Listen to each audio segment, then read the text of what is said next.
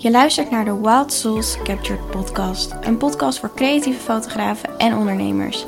Mijn naam is Christine en ik neem je mee in de wereld van fotografie en ondernemen. De highs en de lows. Ready om jouw avontuur te starten? Let's go!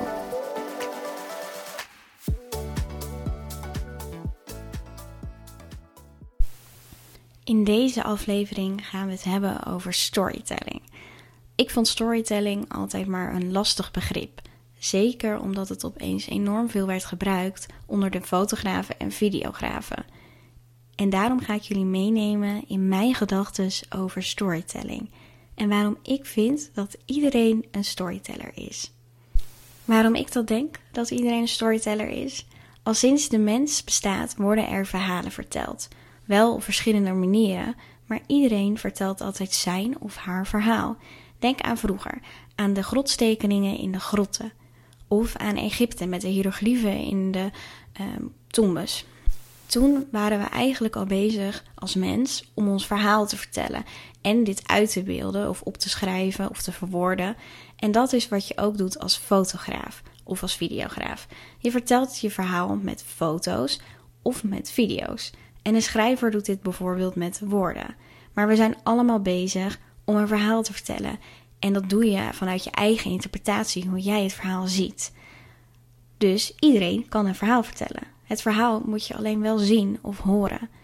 Maar waar begin je dan? Als je het mij vraagt, begin je bij jezelf. Waarom heb jij de drang om te fotograferen? Stel deze vraag eens aan jezelf. Probeer te onderzoeken waarom jij iets graag wil vastleggen en waar specialiseer je in. Misschien specialiseer jij je wel in bruiloften en in het fotograferen van de liefde. Of ben je iemand die het juist enorm mooi vindt om de connectie tussen een gezin vast te leggen, de liefde daarin? Of heb je een andere specialisatie? Het maakt niet uit wat het is, zolang je maar weet waarom je doet wat je doet. Daar begin je. En dan is het belangrijk om jezelf af te vragen: wanneer krijg jij nou precies kippenvel, bijvoorbeeld tijdens een muziek of een film? Wanneer komen er bij jou bepaalde emoties omhoog en welke emoties als jij wat hoort of ziet? Probeer dat eens op te schrijven voor jezelf. Als je een film kijkt en je merkt, hey, dit, dit doet wat, dit triggert wat, schrijf dat eens op. Wat triggert dat precies? Probeer je eigen gevoel te begrijpen. Dit zijn twee punten die enorm belangrijk zijn bij het gedeelte storytelling. Als je jouw verhaal namelijk begrijpt, dan weet je ook hoe je de verhalen van iemand anders kan vertellen. Want stel voor dat jij jouw gevoelens totaal negeert en op de automatische piloot iets vastlegt. Dan ziet jouw werk er heel anders uit dan dat jij er met gevoel instapt. Als jij je gevoel weet en je weet wat je triggert, dan leg jij iets heel anders vast. Een voorbeeld. Als ik een bruiloft vastleg en ik zie de connectie tussen um, de bruid en haar oma, dan doet mij dat denken aan het gevoel, of ik krijg dat gevoel, um, en ik voel de connectie die ik heb met mijn oma. Ik merk dat dat iets triggert. Ik zie dat dat belangrijk is. En dat doe ik dus vanuit mijn eigen interpretatie. Maar zo weet je dus wel wat je voelt. Je laat je gevoel ook toe. Je snapt dat jouw gevoel belangrijk is voor het verhaal wat jij gaat vertellen voor dat bruidspaar in dit geval. Niks is namelijk voor altijd. En jij hebt de kracht om iets vast te leggen wat voor altijd zichtbaar zal zijn. Maak er daar dus gebruik van. En zorg dat je weet wat dat voor jou zou betekenen. En dat je je ook goed kan inleven wat het dus voor iemand anders kan betekenen. Dus onderzoek jouw verhaal, zodat jij altijd jouw verhaal begrijpt en weet hoe je de verhalen van iemand anders kan vertellen. Maak een herinnering en niet alleen een foto. In deze tijd denken we soms misschien heel erg aan wat is mooi voor onze feed op Instagram of deze foto zou echt onwijs tof zijn op mijn website. Maar vergeet niet dat je er bent voor het bruidspaar en niet voor jezelf. Je bent er niet om foto's te maken en content te schieten voor jouw Instagram feed of voor jouw website. Of oh, ik heb deze onwijs vette foto gezien op Pinterest, dus die moeten we maken, want nou, dat is gewoon heel vet. Um, tuurlijk, je mag inspiratie meenemen. Maar vergeet niet dat je er bent voor het bruidspaar en wat belangrijk is voor hun. Zorg dat je ze niet uit hun um, comfortzone trekt.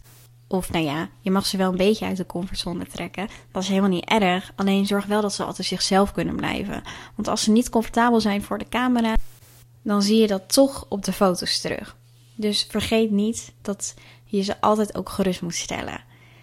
Ik ga jullie nu meenemen in wat mij heeft geholpen met het starten van storytelling. En vergeet niet, dit is mijn interpretatie en hoe ik storytelling zie. En dat kan enorm verschillen per persoon. Ik vind bijvoorbeeld zelf dat je het beste een verhaal kan vertellen als je een, um, een stijl of een persoon al wat langer kent en als je wat meer uren bijvoorbeeld de tijd hebt voor een shoot. Dan denk je bijvoorbeeld uh, aan een bruiloft. Um, dit kan in de meeste gevallen het meest uh, ja, passen bij storytelling. En waarom? Je hebt namelijk onwijs veel contactmomenten met een bruidspaar. In ieder geval, ik heb altijd heel veel contactmomenten met een bruidspaar. En ik kan echt het bruidspaar leren kennen al voor de bruiloft begint. En dat geeft mij echt wel de gelegenheid om wat dieper te duiken in hun verhaal. En daardoor kan ik wat makkelijker hun verhaal vastleggen op een bruiloft. Met een fotoshoot van een uurtje is het een stuk moeilijker om een verhaal neer te zetten. Zeker als je de personen die je vastlegt niet kent. Dan ken je namelijk hun verhaal ook nog niet echt. En dat maakt het dan een stuk moeilijker om het vast te leggen. Nou, waar begin je dan precies? Het is echt enorm belangrijk om goed te luisteren. Luister naar hun verhaal. Dit begint bij bruiloften bij mij al tijdens de eerste gesprekken die je met ze hebt. En dan niet het kennismakingsgesprek, maar zelfs ook al ervoor. Denk aan het mailcontact. Als ze je de eerste mail hebben gestuurd met de aanvraag, afhankelijk wat jij hebt staan in je contactformulier. Maar uh, wellicht vertellen ze al wat meer over hunzelf en hoe ze de dag voor zich zien. En daarin staat soms toch al bruikbare informatie die wat vertelt over hoe hun zijn en hoe hun in het leven staan. Ik schrijf altijd alles per bruidspaar goed op. En um, ik verzamel dus ook die informatie uit de mail, maar ook vanuit het kennismaaksgesprek. Want in het kennismaaksgesprek heb je echt de kans om een bruidspaar goed te leren kennen. En ik ben ook van mening dat hè, het gaat erom dat zij jou leren kennen als fotograaf, maar it's a two-way street. Het is belangrijk dat uh, zowel zij weten met uh, ja, wie zij te maken hebben. Dus als jou als fotograaf, ze zijn benieuwd hoe jij hun dag eventueel zou kunnen vastleggen. Of zij zichzelf herkennen in jouw foto's. Maar het is ook belangrijk dat jij weet wie het zijn. Heb jij een klik met het bruidspaar? Um, vertel, vertel wat over jezelf. Probeer open te zijn over hoe jij in het leven staat en uh, jouw visie. En dat zorgt er ook voor dat zij misschien wat meer open zijn over hun. Vraag uh, bijvoorbeeld dingen zoals: hoe hebben jullie elkaar leren kennen? Um, wat doen jullie in het dagelijks leven voor werk? Wat vinden jullie leuk om te doen? Maar vraag bijvoorbeeld ook dingen zoals: hè, hoe belangrijk is de band met jullie ouders? Um, hoe ziet jullie uh, date night eruit? Jullie ideale date night? Um, die kleine dingetjes. Schrijf die dingen ook op. Uh, dingen die ze leuk vinden om te doen, uh, maar ook de verhalen inderdaad achter hun, de band met hun ouders, uh, wat er belangrijk is in hun leven.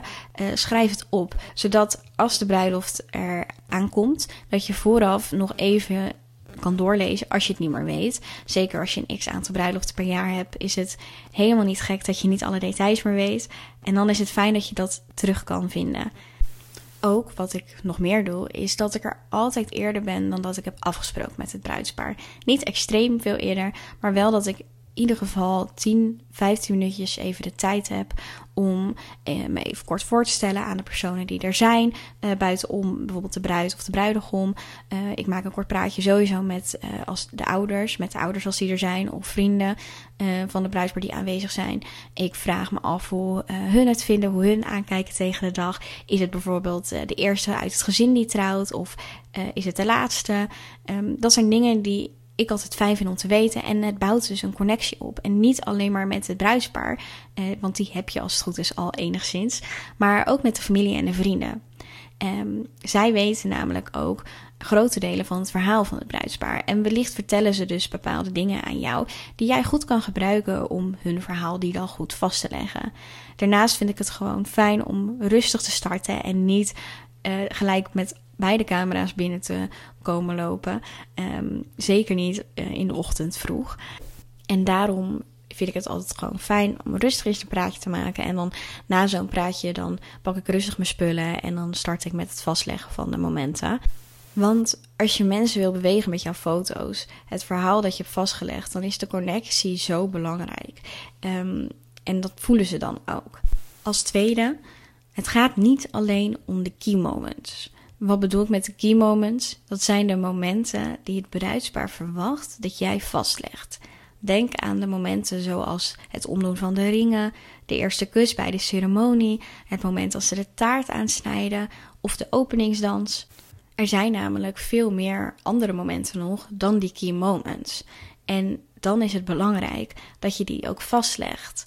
Misschien heeft het bruidspaar namelijk wel een plek uitgekozen die enorm speciaal is voor ze, waar ze dus gaan trouwen. Misschien is het wel in de boomgaard van hun ouders, of een plek in het buitenland waar ze verloofd zijn. En als je weet dat dat iets voor ze betekent, dan zorg ik ook altijd ervoor dat die locatie goed vastgelegd wordt. Ik neem ze dan um, mee in foto's veraf van de locatie, wat detailfoto's, zodat ze de locatie goed herkennen. En is dat niet zo, hebben ze bijvoorbeeld uh, de locatie uitgekozen omdat ze hem gewoon mooi vinden en hebben ze daar geen speciale connectie mee, dan zoom ik altijd wat meer in op de connectie tussen de gasten en het bruidspaar. Dan zorg ik dat er enorm veel foto's zijn van felicitaties, knuffels, um, gezellig gepraat tussen de gasten, zodat die connectie goed vastgelegd is voor dat bruidspaar. En ook vind ik het heel leuk om in te zoomen op momenten die het bruidspaar zelf niet doorheeft. Denk aan spontane momenten of gebeurtenissen die het bruidspaar zelf niet ervaart op hun dag. Denk aan spelende kinderen buiten als het bruidspaar binnen is, aan een vriendengroep die wat geks doet. Die momenten kan je vangen. En dat doe je door genoeg rond te lopen en goed in de gaten te houden wat er gebeurt op de bruiloft. Dat zijn kleine verhaaltjes die deelnemen aan het grote verhaal, als je het mij vraagt.